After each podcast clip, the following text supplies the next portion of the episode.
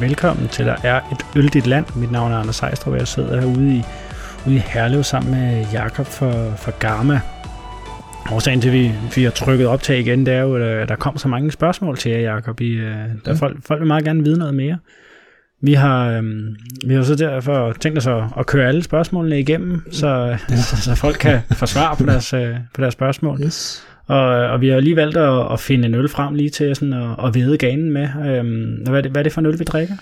Jamen, øh, vi har fundet vores øh, Cold Smoke, øh, som er en, en røgøl, vi lavede som, øh, som en af vores sådan jule i vinter øh, sæsonøl her øh, i år. Øh, så det er en sådan tysk inspireret røgøl, øh, som vi snakkede om før, så, så er det noget af det, jeg selv rigtig godt kan lide at drikke. Øh, så nu har vi lavet en. Jeg synes selv, den blev meget god. Den skulle måske have haft lidt mere karamelmalt, men øh, jeg synes ikke, øh, det er ikke dårligt. Nej, nej. Altså, der er i hvert fald meget, øh, meget øh, røg i aromaen, og jeg synes, mm. den smager rigtig, rigtig fint. Ja, det er glad for. Hvordan er det? Det er jo måske lidt modigt valg, i hvert fald når man kigger ud fra og smider røgmalt ind i sit, sit bryggeanlæg, men mm. det, det, det er meget let at rense ud, eller hvordan? Ja, altså hvis vi, vi, vi gør det jo grundigt rent hver gang. Øh, generelt både, både bryggenlægget og slanger og alle de små fittings og clamps og tankene og tapperlinjen og så videre, så, så, så det er ikke noget problem. Øh, ja, der går den der skrøn om nede i, i Schenkerler, at deres, deres pilsner udelukkende for røgsmag, fordi de laver så meget andet røgøl på anlægget. Øh, det ved jeg ikke, om det er, om det er sandt, men øh, ja, for, for os er det i hvert fald ikke noget, vi, vi har et problem med. Nej, så vi skal ikke forvente at få øh, Big Doink med røgsmag. nej, nej, nej. Og hvis I gør, må jeg meget gerne sige til, fordi så, så skal den da trækkes tilbage i hvert fald. det, er ikke, det er ikke en del af planen. Nej, nej det vil være ærgerligt. Men skal vi ikke bare øh, hoppe ud i det og, øh, og jo. få svaret folk på deres spørgsmål? Øhm, nogle af dem er, er ligesom sådan et sammentræk af, to spørgsmål, okay. hvor, hvor der er en lille smule forskel. Øhm, så det er også mere til, til lytterne derude, at det måske ikke lyder præcis som det, de har stillet, men, men det er nogenlunde det samme. Modtaget. Øh, fordi både for eksempel Ole Neis og Jan Patrick Tan Nielsen, øh, de spørger, hvor kommer jeres inspiration til øh, designet samt ølnavnene? Mm. Jamen, øh, det er ikke fordi, det kommer noget sådan et specifikt sted fra. Øh, det, det, det kan komme øh, fra alt muligt. Øh, som oftest er det jo bare samtaler, vi sidder og har øh, rundt omkring. Øh, typisk øh, lidt sent på aftenen efter et par øl. Øh, ja, der lige pludselig en af så kommer i tanke om et eller andet begreb eller koncept, eller som del af en eller anden samtale, et eller andet sjovt ord, eller et eller andet, øh, som tager inspirationen. Så har vi bare sådan et fælles dokument, hvor vi lige så stille skriver, skriver navne og idéer ned. Øh, og så størstedelen af det, vi laver, kommer så ud af det. Øhm, så det er ikke fordi, det er noget, der sådan ligger, ligger større tanker bag. Øh, som vi også snakkede om før, så, så laver vi mange nye varianter hele tiden. Så hvis man, hvis man virkelig vil gå i detalje med det hele, og være perfektionistisk med alle de nye navne og designs, vi vælger, så, øh, så er det i hvert fald svært at lave så mange nye hele tiden. Ja, vi hygger os bare med det, og så har vi en, en, en eller ja, faktisk to øh, rigtig dygtige designer. En, som vi bruger primært, øh, som hedder Live, øh, eller Leaf, han er amerikaner, men hedder Live. Øh, og han, øh, han er skide dygtig, og finder bare på nogle rigtig, rigtig flotte designs, øh, så, så det, det er fedt. Ja, ja, I fik jo for nylig den her sådan, uh, bund, bundring på. Ja. Det, det synes jeg har løftet designet. Ja, det synes jeg også. Altså, jeg er virkelig glad for det. Øhm, det er også noget, vi brugte lang tid på ligesom at, at, at sidde og arbejde med. Øhm, det var fordi, altså vores, vores gamle design var ikke længere specielt unikt. Øh, der var øh, nogle andre bryggerier, der øh, havde dåser, der, der lignede meget. Altså det var ikke fordi, jeg prøver på ingen måde at påstå, at det var os, der fandt på, at bare have et stort design og så lidt tekst øverst og lidt tekst i bunden. Det var der andre, der havde gjort før os. Øh, men der var også nogle andre i Danmark, der begyndte at gøre det. Øh, og så passede det nogenlunde med, at da vi flyttede ud i det nye øh, sted her i Herlev lige i starten af, af 2021, at så, øh, så gav vi det lige et, et, et overhaul. Øh, og så var det, at vi efter mange forskellige sådan, udgaver og iterationer ligesom fandt frem til det her sådan delte med den hvide, eller på nogle af etiketterne sorte bund, og så det her sådan wave her, split i labelen. Øh, og det, det, det har jeg i hvert fald ikke set andre gøre. Jeg tror, det er ret unikt. Øh, så jeg tror ikke, der er nogen sådan stor risiko for, at, at det bliver kopieret lige, øh, lige forløbig. Nej, det, det er vel næsten kun øh, åben, der, der også kører en, en anderledes form for split. Ja, ja, ja. Kasper Mund Nielsen, han spørger ind til, om jeres øh, designløft havde noget med sure fødder at gøre. Øh, jamen, som sagt, så var der nogle dåser, der begyndte at ligne vores en lille smule. Øh, og nu, øh, jeg har også øh, snakket med Nils øh, og øh, han er jo ikke øh, bleg for at indrømme, at, at øh, han tog noget inspiration fra os. Men igen, så er det jo, som sagt, er det ikke noget, jeg sådan kan tillade mig at være. Så det er jo ikke noget, vi havde noget beskyttelse på overhovedet, og det er jo heller ikke os, der har fundet på det til at starte med. Øh, så øh, det var sådan en kombination af flere ting. Altså, det, vi synes ikke, det var unikt længere, men det er ikke fordi, det er specifikt af Sour Feed øh, eller nogle andre bryggeriers skyld. Øh, det var mere en generel ting, at vi godt ville løfte det. Øh, så. Ja, fordi altså, der er både Elfarm og Dry Bitter, der også har nogenlunde øh, samme designvalg øh, i hvert fald. Mm. Thomas øh, Pedersen, han, øh, han spørger, vores landbrug i Danmark er kendt for en enorm stor kvalitet. Ser I muligheder i, at vi engang i fremtiden kan dyrke vores humle i tilstrækkelige mængder her i landet, frem for at importere den fra udlandet? Øh, altså det, jeg, tror, jeg tror ikke, jeg har nok ekspertise til sådan nok at kunne gå i dybden på det, øh, men min, min opfattelse er, at øh, klimaet i Danmark ikke er øh, særlig øh, sådan gavnligt for, for kommersiel øh, humleproduktion. Øh, igen er det ikke, det er ikke noget, jeg har noget ekspertviden om, det, det er bare min opfattelse. Øh, men øh, det kunne da være sjovt, hvis der er nogen, der er begyndt at dyrke humle på, på kommersiel plan øh, i Danmark. Øh, men, og, og hvis det er, så prøver vi det meget, meget gerne af. Øh, det kunne være rigtig fedt. Øh, men jeg ved ikke, hvad udsigterne er for det, øh, hvis det overhovedet nogensinde kommer til at ske. Nej, så bliver det nok noget, noget mere bitter humle, øh, som over i England, eller noget universelle humle, som yeah. i Tyskland. Ikke? Det bliver næppe sådan en tropisk øh, humle. I hvert fald. Det tror jeg ikke, nej. Sean øh, Tonnesen spørger, hvor ligger Gammas grænse for, hvad der kan hældes i en øl? Øh, jamen altså, så længe det er en fødevare, så kan det vel teknisk set puttes i en øl. Øh, sige, vores filosofi øh, omkring det øh, har altid været, at, at øl skal være drikkevenligt. Øh, og vi har sådan en Altså det er jo ikke et, et, øh, noget, vi ligger sådan helt fast på, men vi har da sådan en, en halv tommelfingerregel om, at, at de fleste, hvis ikke alle vores øl, ligesom skal kunne øh, bestå den her pint-test, ikke? hvor du skal kunne drikke en, en pint af den, uden at du ligesom føler, at du øh, slår dig selv halv ihjel. Ikke? Øh, og det kan både være på smag, men det kan også være på alkohol, eller på mundfylde osv. Øh, det er selvfølgelig noget, vi udfordrer en, en lille smule en gang imellem. Ikke? Altså, vi har en ret stor, tung stavt i tankene nu, øh, som sådan en collab med en amerikansk bryggeri, der hedder 8 State, øh, som er sådan en 12-13 procents fætter med kakao og karamel og alt muligt klamt i. Øh, og jeg vil sige, den, den, den er måske en lille smule over grænsen i forhold til den her drikkevenlighed. Øh, men altså, jeg vil sige, man kan jo putte alt, hvad man har lyst til i en øl er smagsgiver, Øh, men så længe øllen stadigvæk smager godt, så synes jeg egentlig, det er det, der ligesom er, er det, der sætter grænsen. Altså, hvis, hvis øllen kan drikke, så den smager godt, så er jeg sådan set ligeglad med, hvilke ingredienser man har brugt. Øh, så længe det selvfølgelig er fødevare, ikke? Men, øh, det. Så vi kan, vi kan godt se, at jeg står hele, hele hotellokager i, i tankene, eller de har brugt øh, puré sauer, som begynder at komme ind. Altså, vi har lavet en del af de her frugt, øh, frugtsours, øh, hvor vi netop har sådan nogle store tønder med frugtpuré, som bare bliver pumpet ind. Øh, og det synes jeg er skide godt. Øh, vi har ikke lavet nogen øl med kage endnu, men det kommer sikkert på et tidspunkt. Måske. Ja. Øh, Jesper Jarlskov, han, øh, han spørger ind til, hvor meget humle bruger I om, om ugen og om måneden? Øh, ja, men som, som vi kom ind på før, så øh, har vi jo, altså, vi bruger cirka et ton om måneden. Øh, det er det, vi har på kontrakt i hvert fald, og det passer nogenlunde med, med det, vi bruger her, og kommer til at bruge. Christian Daim Holm, han spørger.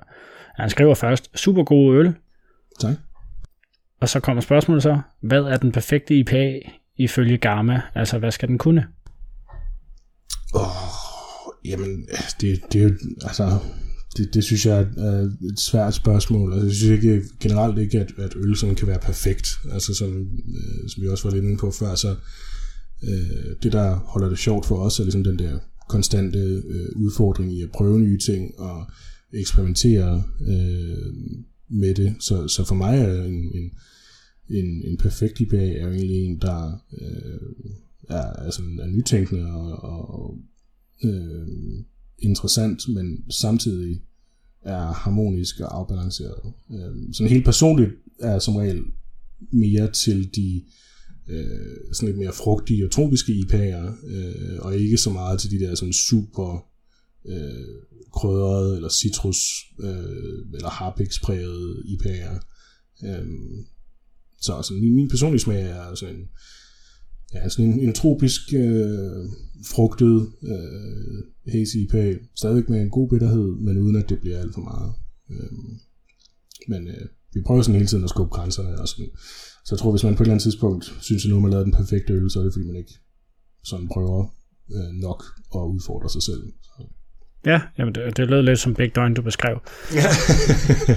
øhm, men øh, ja, altså, det er jo også noget, Mikkeler for eksempel har, den her mission med at, at udvikle verdens bedste øl, og så bliver man jo nødt til hele tiden at prøve nye ting, fordi mm. at, ja, at man kan jo ikke finde den ved at bare bruge det samme hele tiden. Mm. Næste spørgsmål er fra André E. Jensen. Han har Instagram-profilen Aarhus Humle 176. Er det muligt for jer at blive ved med at lave nye humlede øl, eller går nogle af de samme opskrifter igen under et nyt navn, for at tilfredsstille mange forbrugers behov for hele tiden at prøve noget nyt? Altså, vi laver jo aldrig øh, den samme opskrift øh, punkt for punkt igen, og så kalder den det samme.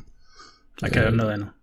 Ja, ja, nej, undskyld, ja. Øhm, det, det, synes jeg, det synes jeg er snyd. Øhm, men det er jo en interessant øh, dialog og et interessant spørgsmål, fordi øh, der er jo en, en sådan naturlig begrænsning for, hvor meget du kan variere over det samme tema, ikke? Så, så det der med, hvor, hvor, hvor forskellig skal en ny humlet øl være, for at det er en ny øl, og ikke bare en udvikling af en tidligere opskrift, en version 2, om man vil.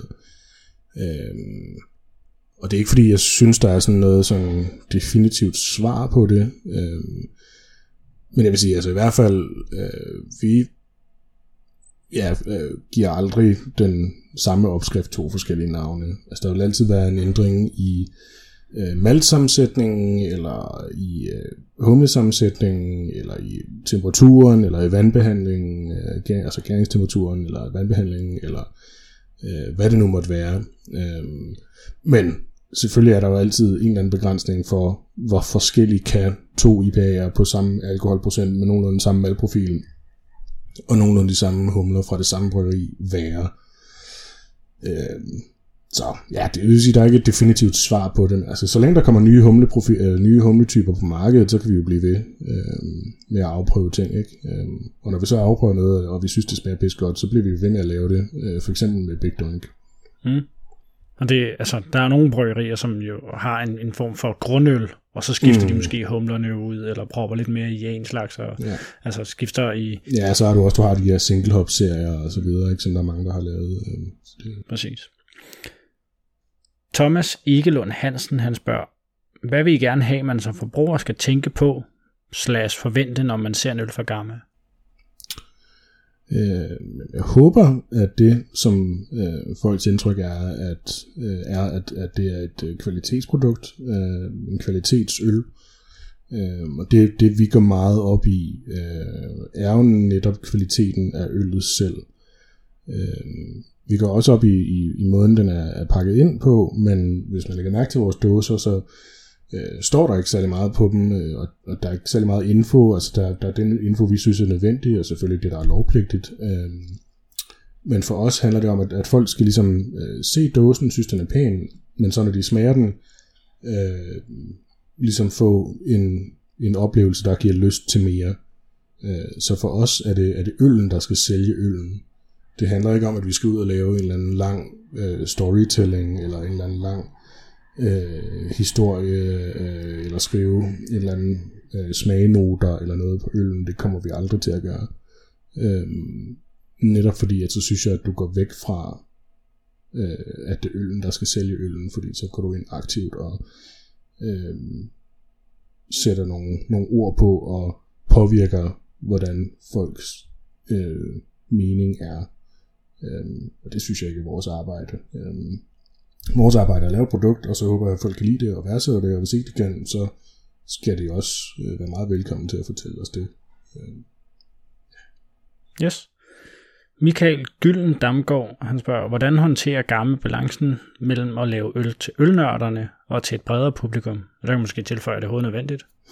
Nej, det synes jeg egentlig ikke, det er. Øhm, altså igen, så laver vi det øl, vi godt selv kan lide. Øhm, og vi laver det, der selvfølgelig er der, øh, laver vi det, der efterspørgsel på. Øh, vi, vi driver samtidig også en, en forretning, øh, og vi har nogle lønninger, der skal betales osv. Så, videre, så vi kan ikke udelukkende lave alle mulige mærkelige ting. Øh, øh, udelukkende til nørder, øh, med alle mulige mærkelige tilsætninger af forskellige ting. Øh, så nej, jeg synes egentlig, vi, vi har en meget fin balance. Ikke? Altså, vi, vi, vi laver det, vi selv har lyst til, og det øh, synes jeg også rammer meget godt ind i både, hvad, hvad nørderne kan lide, men samtidig også, at øh, altså der er mange, der for eksempel smager en, en Big Doink første gang, og så bliver virkelig imponeret, fordi de siger, at de ikke har kunne lide øl før, eller noget i den retning, eller ikke vidste, at øl overhovedet kunne smage på den måde, og så videre. Og det, det synes jeg, det er en super stort skulderklap at få. Øhm, så, men det er ikke fordi, vi sådan bevidst øh, går ind og prøver sådan at balancere, hvad vi laver. Vi laver bare det, vi har lyst til. Ja, ja, og Big Drink er jo et meget godt eksempel på det i forhold til Natholds julekalender. En, en øl, som, som jo øh, antager jeg sin tid lavet til nørderne, ja. at den, øh, den stadig går så rent ind hos, øh, hos de mere almindelige øh, ølforbrugere. Mm. Og det er jo bare den sådan generelle udvikling, der også er. Ikke? Altså, det bliver mere og mere udbredt øh, øh, øh specialøl og, og især øl af den her øh, slags og den kaliber, som, som vi laver, og som mange andre danske øh, hederlige jeg laver. Øh, det bliver mere og mere øh, almindeligt at drikke, og det er bredere og bredere udbredt. Så det, det er vi bare glade for at være en del af. Ja, og så, øh, så Lasse Holden Jensen, han havde øh, et dobbelt spørgsmål, og hans, hans rigtige spørgsmål, eller hans ene af det dobbelt spørgsmål var med i, i den rigtige udsendelse, oh, okay. men, øh, men hans andet spørgsmål, øh, det var ham, der spurgte ind til, øh, hvorfor, øh, eller hvad jeres drømme collab var. Men han, han spørger også øh, ind til, hvorfor, hvorfor I anser collab som vigtige, både for jer og sådan generelt for ølverdenen. Jamen, øh, altså der er flere ting i det. Øh, et, og som vi også øh, kom ind på før, så øh, er det jo bare super hyggeligt. Og mange af de her brygger, øh, både øh, de danske, men også øh, udenlandske, er jo øh, nogle gode venner, vi har, som vi har mødt øh, Øh, på forskellige ølfestivaler og, og gennem forskellige andre arrangementer i branchen. Øh, så så det, det er vigtigt for ligesom at holde, holde de der øh, øh, hvad hedder det, relationer ved lige og, og for, for at hygge ikke, og være en, en aktiv del af branchen. Øh, og så øh, lærer vi jo også meget øh, fra, øh, fra hinanden. Øh. Men måske der, man tør prøve nye ting. Ja, det kan det mange, øh, mange tilfælde godt være. Så har vi et spørgsmål for Ali Al-Vali. Han spørger, øh, bedste collab, vi har lavet til dato? Oh, det synes jeg er svært. Øhm, jeg synes, en af dem, der ringer, ringer højt, øh, for mig i hvert fald, og som også øh, fik, fik en god modtagelse ude øh, blandt Øh, Øh, blandt kunderne og i, og i ølmiljøet, det var jo den, øh, vi lavede sammen med Åben herude, som var en af de første collabs, vi lavede øh, her i Herlev på det nye bryggeri, øh, som var en, en WP, udelukkende med New Zealands kunde, øh, som, øh, som altså jeg var med Philip i New Zealand i starten af 2020, øh, hvor vi var nede og se nogle humlemarker og øh, forskellige øh, øh, bryggerier også. Øh, så nogle af de humler, vi var med til at smage og afprøve dernede, var nogle af dem, vi så fik flået hjem og brugt i den her øl. Øh, og den, den smagte øh, virkelig, virkelig godt. Øh, og vi kommer desværre ikke til at lave den igen. Der er mange, der spørger. Men øh, vi, har ikke, vi har ikke mere af de her humler, og det var sådan en, en, en engangsting. Men øh, vi kommer til at lave flere collabs, det er stensikkert, men øh, jeg vil i hvert fald sige, her i Herlev er det, er det en af de bedste, vi har lavet. Ja, hvad hedder den? Den hedder Te Vaikuru Pupu, øh, som er navnet på sådan en øh, bestemt øh, ferskvandskilde øh, i New Zealand, som har noget af det, det klareste øh, vand på jorden. Altså det var ret vildt at se sådan en 10, 15, 20 meter dyb sø, der var fuldstændig krystalklar, øh, så du kunne se ned til bunden. Og det er så øh, det, som den kilde hedder på det lokale øh, indfødte Maori-sprog, øh, hedder den Te Kurupupu, som betyder øh, noget i retning af sådan dyb, øh, blå kilde, øh, den stil. Ja, hvordan foregår de her collabs normalt? Altså, fordi det har været noget andet under corona, der går ud fra, at man har mailet lidt frem og tilbage, men laver man hele opskrifter, og så snakker frem og tilbage om, skal vi lige rette det her, jeg vil hellere, den er altså, som, lidt mindre. Som, som udgangspunkt, øh, altså det varierer også lidt, altså fordi der er mange af dem, øh, der er rigtig godt planlagt, ikke, hvor vi lang tid i forvejen netop sidder og snakker om opskrifter og øh, bruger lang tid på at udvælge præcis, hvad det skal være, og der er mange e-mails frem og tilbage, ikke? men der er også meget af det, der bare øh, sker meget, meget hurtigt, ikke? netop fordi hvis man er på en eller anden øh, ølfestival, eller der sker et eller andet arrangement, hvor der selvfølgelig nogle brygger, øh, så kan det godt være, at de siger, at vi har lige fået en aflysning på et eller andet, vi kommer ud og lave en øl i morgen.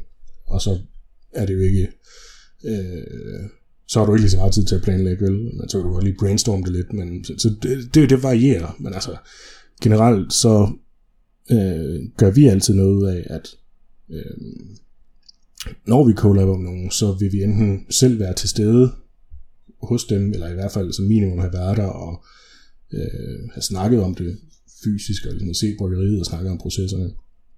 Og også det samme, at når vi laver collabs her i Herlev, så har vi altid de udlandske bryggere på besøg fysisk. Øh, fordi ellers så bliver det bare sådan en marketing gimmick, synes jeg hvis bare man sender nogle e-mails frem og tilbage. Øh, og så bare laver en øl, uden at der rent faktisk øh, er nogen, der har været fysisk til stede, og man ligesom har øh, altså bogstaveligt talt samarbejdet. Øh, fordi så, så synes jeg, så bliver det bare lidt, lidt gimmickagtigt, ikke? Mit navn er Carsten Bertelsen. I lytter til podcasten Der er et øldigt land. Jazz.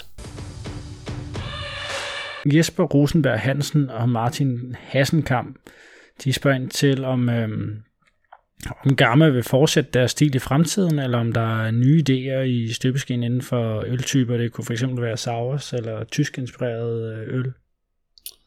Øh, jamen, altså, vi forsøger jo altid sådan konstant at udvikle øh, det, vi laver, og udvikle, øh, hvordan vi gør ting. Øh, men, men jeg tror bare, at det bliver mere af det samme, øh, som vi har, har gjort øh, indtil nu, øh, i de snart syv år, øh, vi har eksisteret, som er, at Øh, vi sådan konstant eksperimenterer og prøver nye ting af, men samtidig øh, ligesom har nogle faste varianter og øh, nogle ting, vi er, vi er dygtige til og kendt for. Øh, så, så det er sådan ja, konstant, konstant udvikling, men samtidig med, med lidt rodfæste i nogle, nogle kendte varianter. Så, så meget NIPA for jer i fremtiden øh, kan vi godt forvente? Ja, det, det tror jeg godt, man kan satse på.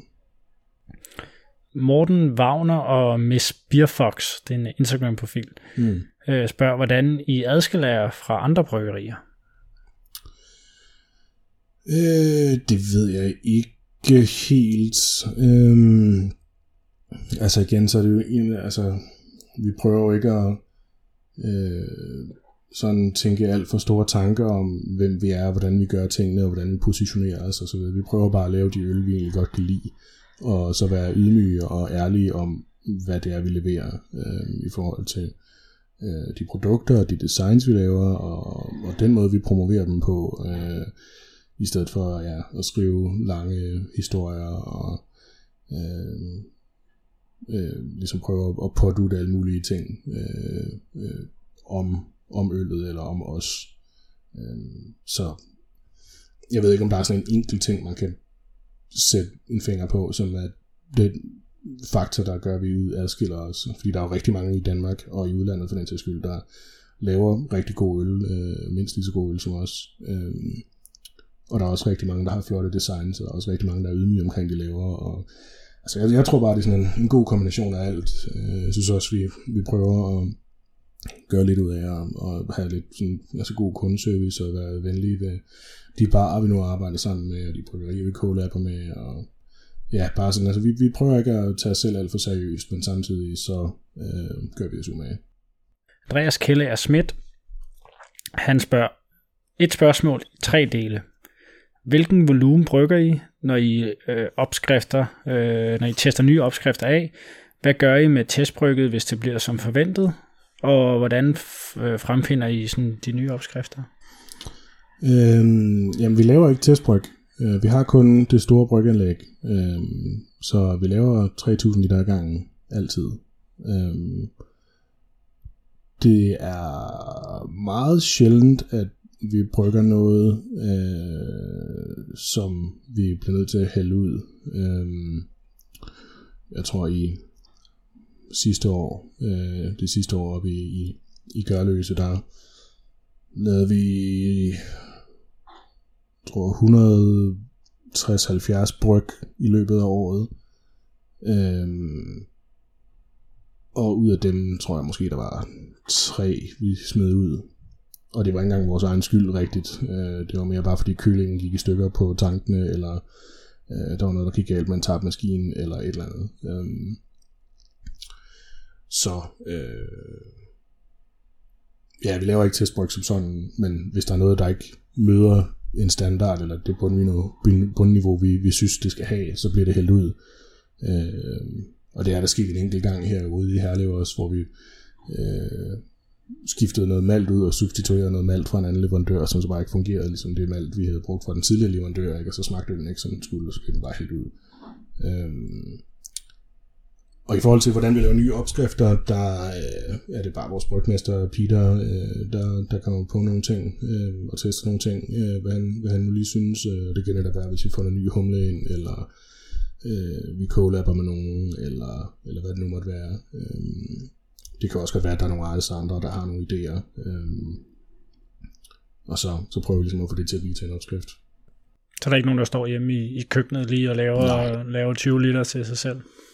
Nej, og så man kan sige, det er måske også en frihed, vi, vi kan tage os, fordi at vi også er kendt for at eksperimentere og lave mange nye øh, varianter hele tiden, så øh, vi kan måske slippe afsted øh, med i en højere grad at lave noget, der måske ikke er sådan helt vildt pisselækkert.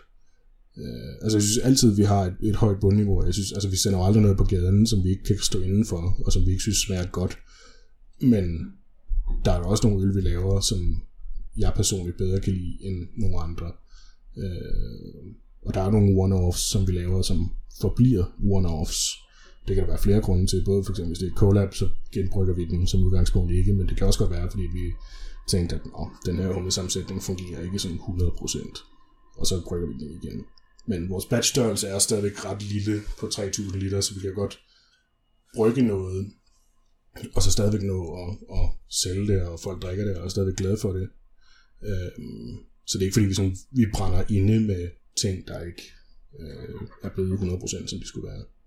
Nej, og nu ved jeg ikke, øh, om, om det gør så tydeligt i mikrofonerne eller i høretelefonerne for folk, men der holder en, øh, en lastbil, der står til ude foran og bliver læsset af nu, så, så hvis I kan høre lidt, uh, lidt bippen for baklyden og, og lidt af hvert, så, så er det bare det. Michael Dam, han skriver fantastisk øl, som er med i Natholdets julekalender. Kan du fortælle lidt om, hvilke råvarer I brugte? Øh, tak, først og fremmest. Øh, jamen, det er jo vores, vores sådan Big Doink uh, øh, Double IPA, øh, som er vores, vores flagskibsøl. Øh, og der er lidt, øh, lidt forskellige malte i, øh, både noget, noget basismalt, men også noget, øh, noget byg, øh, eller undskyld, noget havre og noget øh, hvedemalt i øh, som er med til at give noget, noget, noget krop og noget fylde, og, og lidt, øh, lidt af den her hazy karakter. Øh, og så det, som en, en øl som den her virkelig fokuserer på, øh, er jo netop humlen. Øh, og der er fire forskellige humler i den her. Jeg mener, det er Citra og Cashmere og Columbus og øh, en tredje, jeg lige har glemt. Eller en fjerde, jeg lige har glemt. Øh, Nå, der, der står selvfølgelig på dåsen her. Ja, Kashmir, Citra, Columbus og Mosaik selvfølgelig.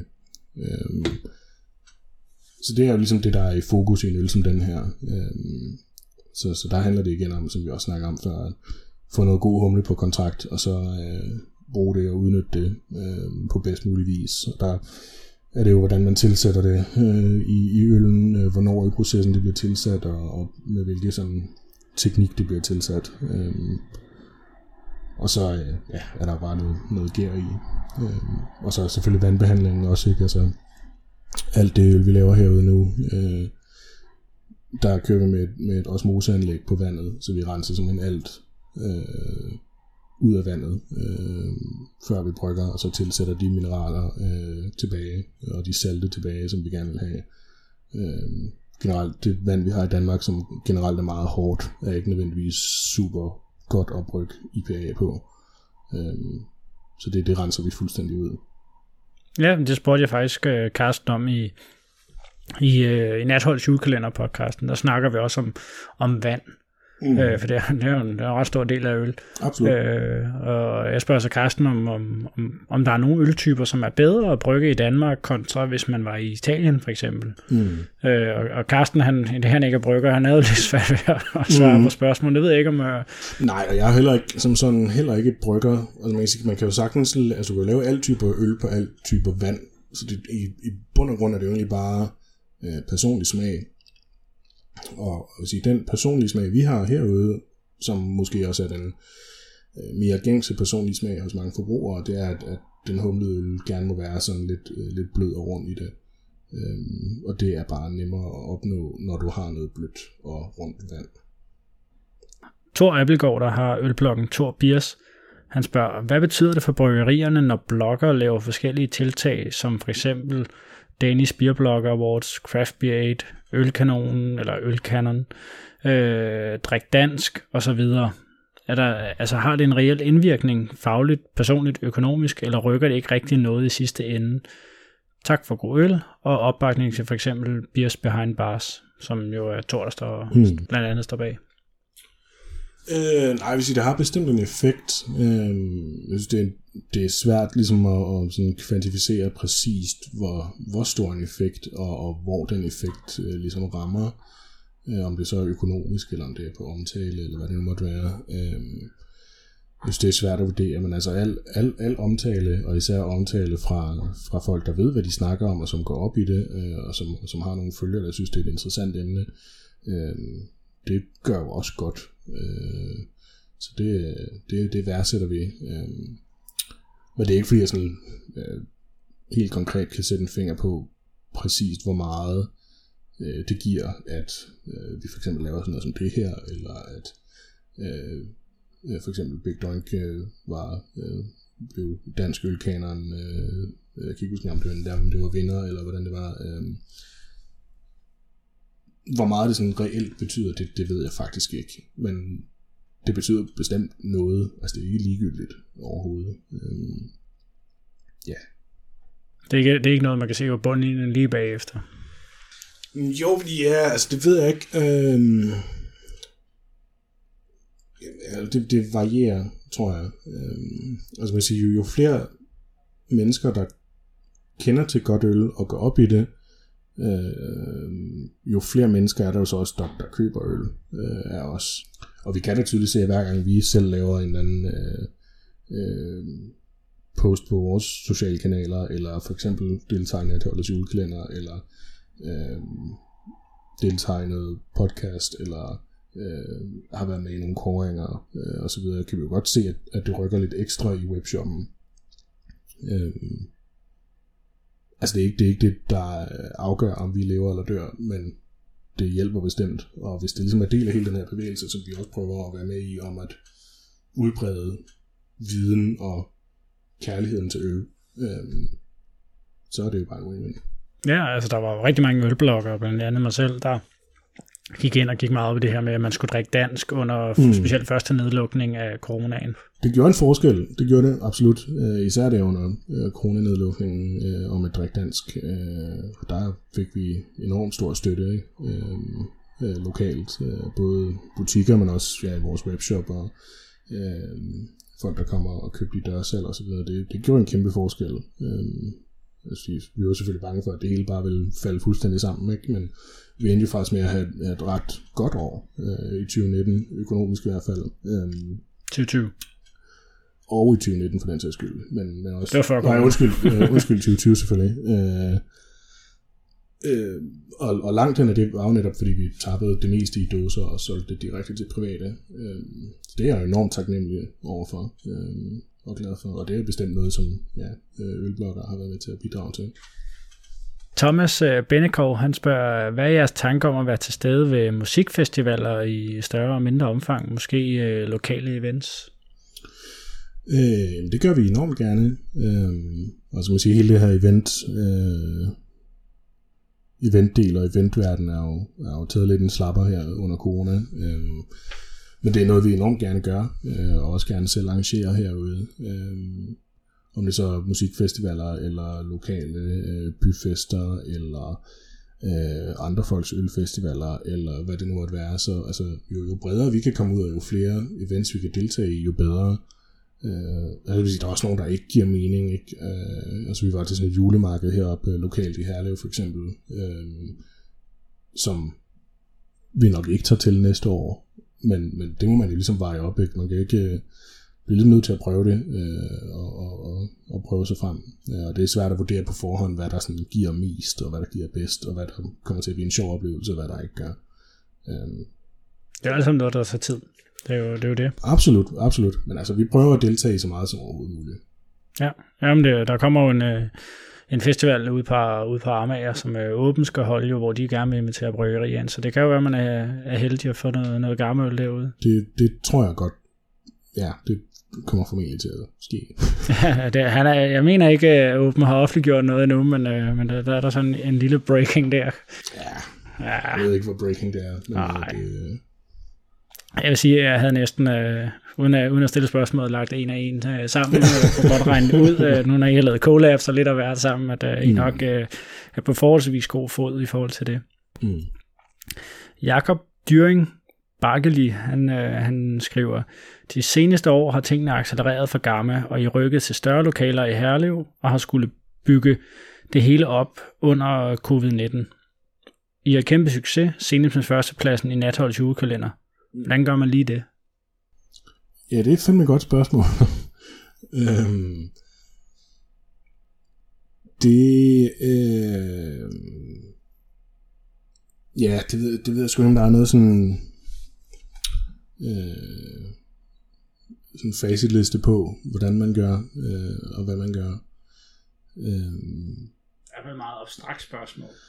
Det synes jeg. Øh, og jeg tror, at det, det er vigtigt, og det er som jeg i hvert fald prøver at fokusere meget på herude, og, og øh, som, som vi i hvert fald prøver at gøre os lidt umage på nogle gange, det er at øh, bare have det sjovt. Altså det, det skal være, være sjovt, det vi laver, øh, og vi skal, vi skal hygge os med det. Øh, og jeg tror, øh, at en af grundene til, at vi også tillader os at netop hygge og have det sjovt, og holde nogle fester herude, og øh, fjolle lidt rundt med nogle ting, er netop også fordi vi samtidig tager det så seriøst, og øh, går så meget op i det, vi laver, at øh, vi ligesom kan tillade os at, at hygge os med det samtidig. Øh, men ja, jeg ved ikke, om der er nogen sådan bestemt facit. Altså, jeg, jeg synes, vi prøver at lave noget, noget øl god kvalitet, og jeg synes, vi prøver igen at være sådan ærlige om, hvordan vi sælger det, og hvordan vi, rebrander det og markedsfører det, og det, det virker som om, at, at det har en vis resonans hos, hos mange mennesker. Øhm, så, så det er vi jo bare glade for. Men selvfølgelig, det er der øh, sådan lidt øh, skræmmende at, at øh, lave et nyt bryggeri her. Øh, under corona, og øh, vi var ude første gang, vi så de her lokaler, var jo i januar 2020. Øh, og vi var sådan set ved at skrive under på dem der i, i løbet af vinteren øh, og, og starten af foråret. Men satte det simpelthen på pause lige i, i to, tre, fire måneder. Fordi vi var, fordi vi var så usikre på, hvordan det skulle gå. Øh, men da vi så lige stille fandt ud af, at det gik fint, og vi sagtens kunne øh, som vi også snakkede om før, ligesom flytte alt vores volumen over på dåse, og vi sagtens kunne sælge til private, og der var ret stor støtte omkring det. Øh, så genoptog vi ligesom projektet herude, ikke, og endte med at overtage lokalerne øh, 1. juli 2020. Men det er selvfølgelig altså, skræmmende, og man skal også lige have lidt is i maven, og det er også mange penge. Ikke? Altså, vi har brugt omkring 10 millioner herude på det nye anlæg, og øh, kølerum og, og, og det hele. Ikke? Øh, det er mange penge, og også rigtig mange af dem, som ikke er vores egne. Øh, så så øh, det skal man også lige være forberedt på, ikke? Øh, at der også er en, er en masse risiko i det. Øh, sige, vores fordel er, at vi havde kørt det i så lang tid som et, et hobbyprojekt, uden at der egentlig var nogen sådan risiko, særlig risiko i hvert fald økonomisk øh, for nogle af os. Øh, så vi ligesom havde mulighed for ligesom at teste af og prøve det af, øh, da det var øh, mindre seriøst, øh, og ligesom lave nogle fodfejl dengang, øh, sådan så at når vi nu skulle til at bygge det nye her, øh, kunne undgå mange af de fejltrin, som man måske ellers ville begå, øh, når man starter ud. Øh, og det tror jeg har gavnet os enormt meget, at vi har erfaring øh, med tidligere at drive bryggeri, men også derudover øh, at nogle af de ansatte, vi har, også tidligere har været igennem en lignende proces hos andre bryggerier øh, rundt omkring. Øh, så vi ligesom havde et, et ret klart billede af, hvordan ting skulle være, hvordan de skulle se ud, og hvad de skulle koste, og hvordan det hele ligesom skulle øh, designes og, og stykkes sammen. Øh, det har i hvert fald været næsten umuligt uden, vil jeg sige. Ja. Mads Ole Bak, han skriver, som brygger på et lille fritids nanobryggeri af en odder bier, øh, så den må ligge op på mm. odder, mm. øh, er jeg interesseret i at høre følgende. Hvad er jeres vigtigste læring, og dermed måske bedste råd til andre, da I tog springet fra lille bryggeri til fritidsbasis til, øh, til større fuldtidsbryggeri med alle de forpligtelser, som, som følger med? Øhm, ja, men jeg ved ikke, jeg tror ikke, der er nogen sådan enkelstående øh, sådan læring, der er den vigtigste, og man kan sige, øh, Gamma gik jo heller aldrig nogensinde fra at være øh, sådan et lille nanobryggeri, hvor vi lavede måske 100 liter ad gangen i øh, garagen. Altså det var jo, øh, vi, vi har jo aldrig lavet et mindre bryg end 2000 liter, som var det, vi øh, lavede op øh, i, i Gørløse lige i starten. Øh, bryggelægget var 1000 liter, men, men vi købte en 2000 liters tank, øh, som også var det ølsnedgøren havde, og, og Dry Bitter havde på det tidspunkt.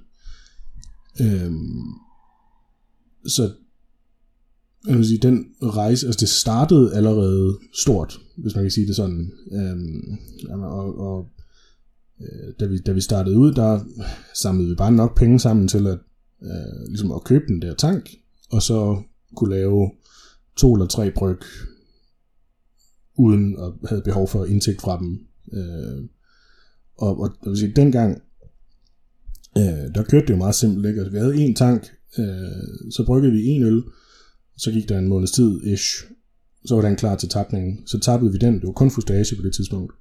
Og så i 2000 liters tank får vi måske omkring 60 fustager ud, eller sådan noget. Øh, 60-30 liters fustager med lidt spild, der er på humle og så videre. Øhm, og så passer det nogenlunde med, at det tog os en måneds tid at sælge de der 60 fustager, og så var den nye øl klar.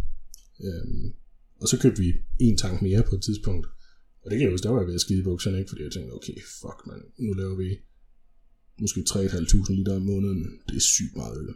Øh, men det forsvandt også bare sådan lige så stille, og vi begyndte at eksportere lidt, og vi begyndte at lave flasker på det tidspunkt også. Øhm, så vi sige, altså, vi har ligesom haft den frihed, eller i hvert fald den mulighed for at tage en masse små, men vigtige skridt, som egentlig ikke øh, havde altså bare særlig meget risiko for os. Altså vi har jo ikke på noget tidspunkt indtil vi flyttede her til Herlev til det nye, øh, puttet ekstra penge i, eller noget. Altså vi puttede en lille smule i til at starte med, os, os fem, der startede, og så øh, derefter er det jo bare de penge, vi har tjent fra at sælge øl, der ligesom gik til at købe nye tanke, og lidt, og vi endte med at købe et ejerskab og i øl, øl, ølkollektivet også, og øh, det har bare været sådan mange begge små Øh, og vi havde egentlig ikke på noget tidspunkt nogen forventning om, at det nogensinde skulle blive sådan en fuldtidsting.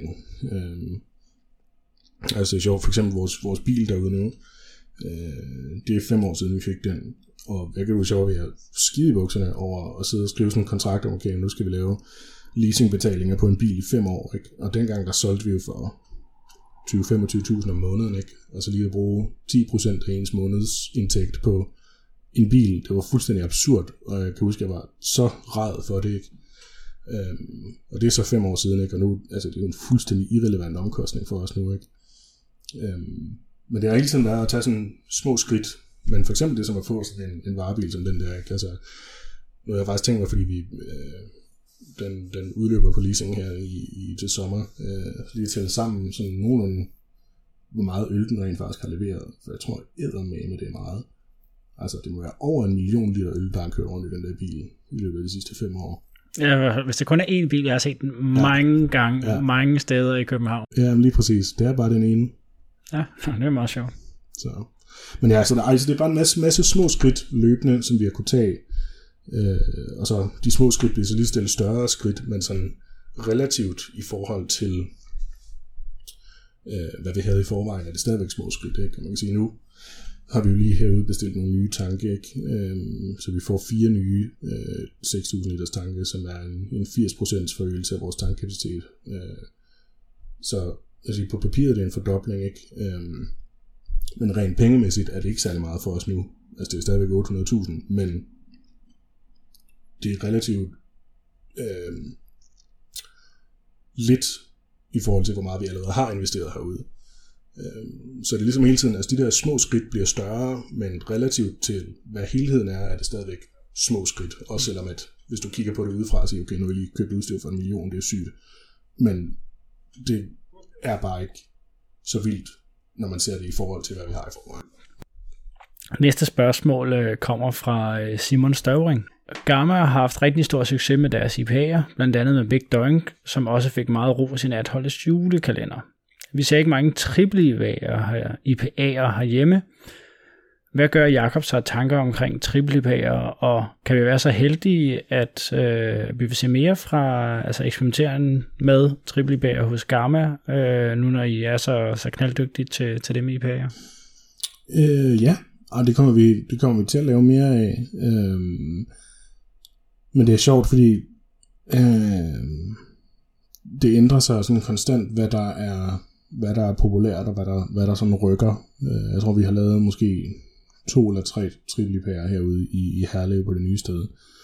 Øh, hvor at, øh, sidste år, oppe i Gørløse, hvis vi lavede en triplipære, så var den jo altså, den var udsolgt, før den overhovedet var tappet. Altså alt blev forudbestilt og, og revet væk.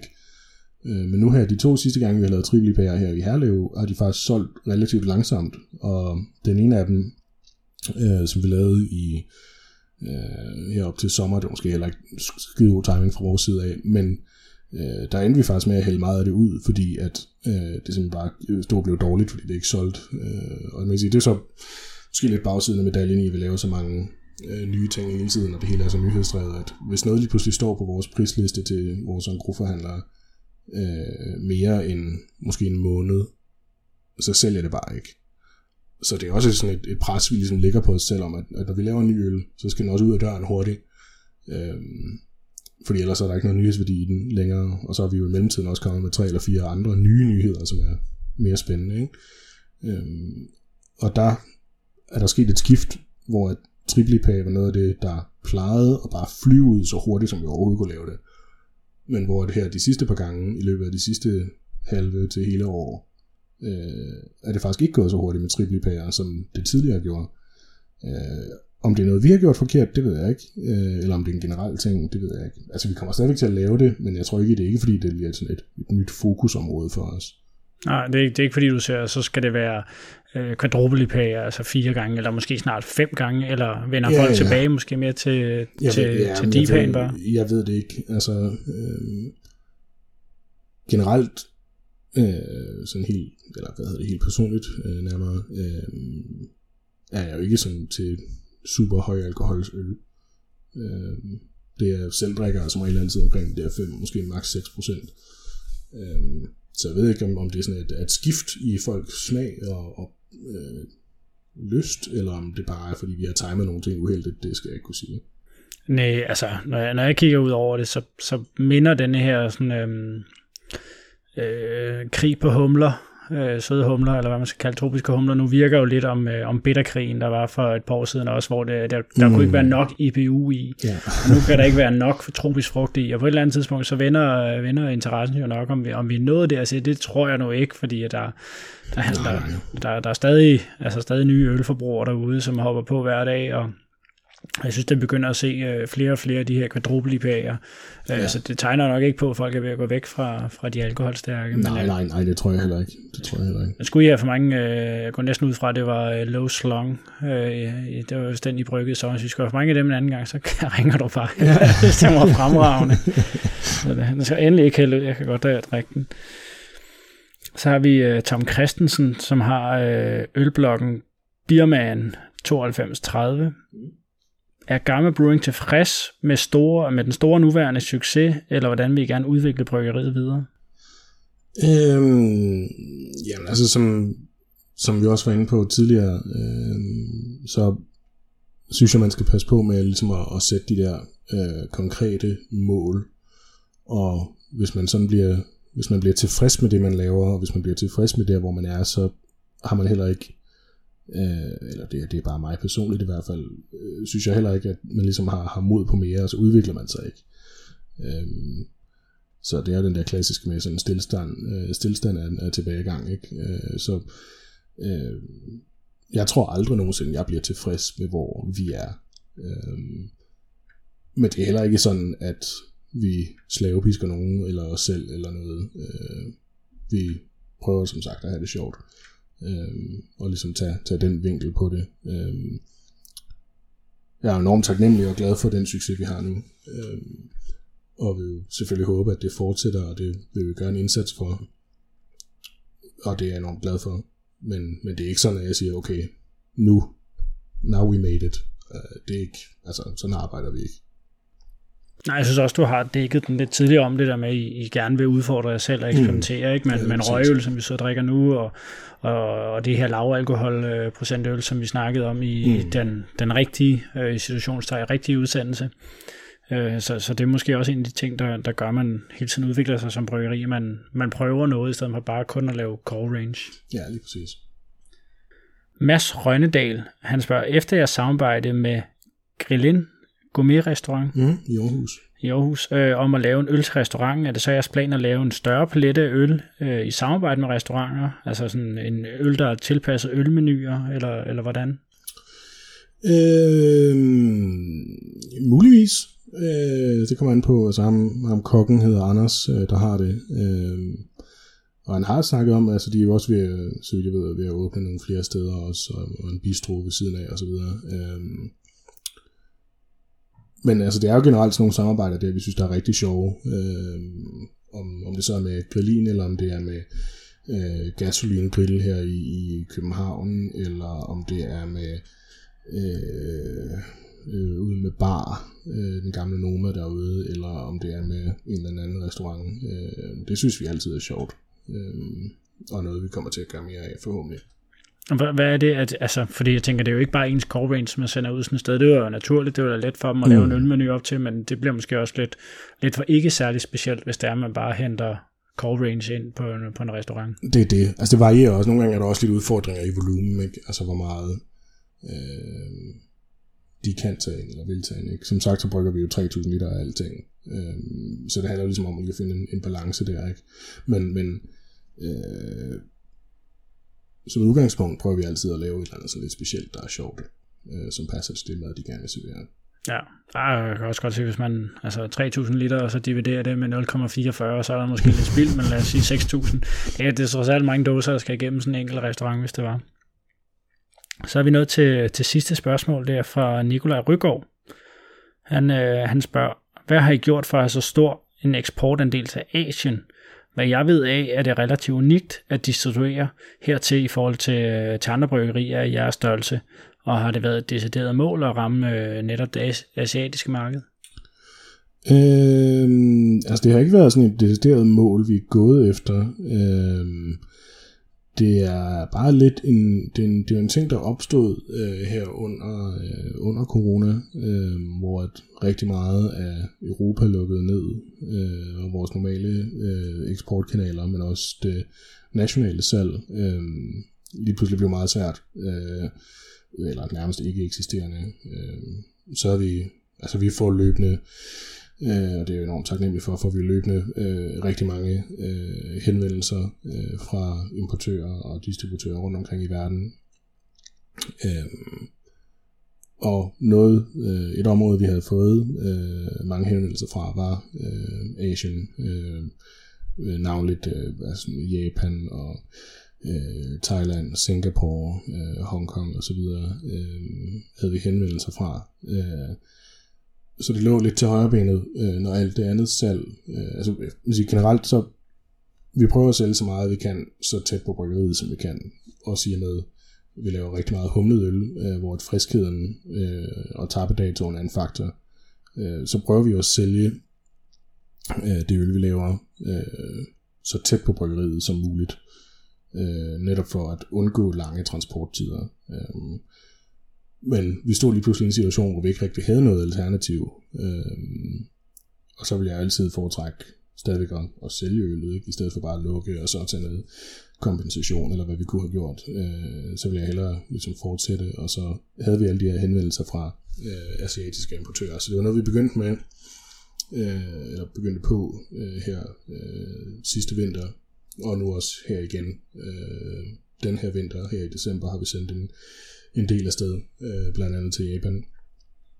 Øh, Men hvordan finder de frem til jer? De finder os bare på Instagram, eller på øh, forskellige ølmesser, eller via omtale, eller for eksempel via collabs, hvis de nu importerer eller andet bryggeri, som så har lavet et collab med os, så finder de jo øh, frem til os på den måde. Øh, eller via nogle samarbejder øh, med andre bryggerier, hvis de for eksempel siger, hey, øh, vi har en, øh, en container, øh, der skal til Tokyo, øh, der er plads til to paller ekstra, har I noget, I gerne vil sende med? Okay. Øh, for eksempel sådan noget som det, ikke? Og der er det jo igen, at det er fedt at have det der sådan et internationale netværk og øh, møde folk på festivaler og så videre, ligesom være en del af, af den der vennegruppe. Øh, det betyder rigtig meget. Ja, jamen, fordi i gamle dage, der var det jo meget sådan noget, gamle dage, for måske 5-10 år siden, der var det jo meget, hvem var højt rated inde på Ratebeer, øh, mm. og de senere år på Untapped, ja. og så, så blev man ligesom kontaktet, hvis man havde høje nok ratings. Og det gør vi også, og det, altså nu, altså generelt er der jo ikke nogen bryggerier i Danmark, der har sådan helt, helt, helt crazy ratings. Øh, men altså, vi, vi ligger i den bedre ende, og det kan vi også godt mærke på vores eksport, ikke? at øh, når folk går ind på Untapped, øh, og distributører går ind på Untapped og, og ser på øh, listen over de bedste danske bryggerier, så ligger vi jo sådan rimelig konsekvent i top 10. Og øh, det har bestemt noget at sige. Altså, jeg tror generelt, Untapped betyder mindre og mindre øh, i Danmark øh, og Europa, men for mange øh, andre lande, hvor et craft beer er mere nyt, øh, tror jeg, at det betyder mere. Øh, ligesom vi for fem år siden, da vi startede med at eksportere, øh, der, hvor, hvor vores ratings ikke var lige så gode.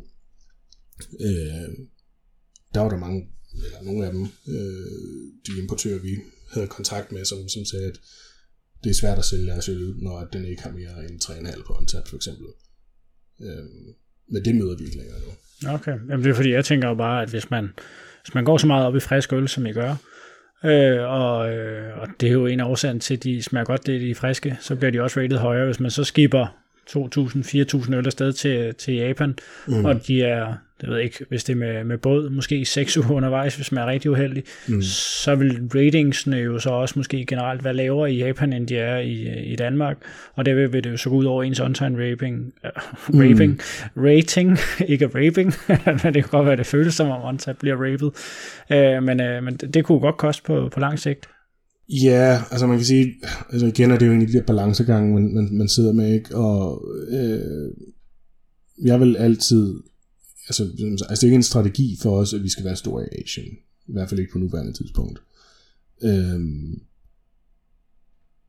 men det kan ikke, altså, vi kan ikke gøre det uden at gå på kompromis med, med friskheden, selvfølgelig. Øhm, det vi kan gøre, og det vi altid gør, når vi eksporterer, øh, det er jo, at vi, vi forudsælger øl, før det er tappet, sådan så at dem vi sælger til, om øh, de så er i Asien, eller om det bare er i øh, Tyskland eller Frankrig, eller et eller andet, hvor fragten ikke tager mere end et par dage, at så prøver vi jo altid at tappe ølene lige op til, sådan så at, at der er ofte, når vi sender ting til eksport, øh, hvis ikke nærmest hver gang, at så de ting, der er på pallen, er jo tappet øh, maks en uge, inden det bliver sendt ud sådan så det netop stadigvæk er friskt, øh, når det kommer. Og det samme med, øh, søfragt til Asien, og, og det hele bliver som udgangspunkt sendt øh, med søfragt i kølecontainer naturligvis. Øh,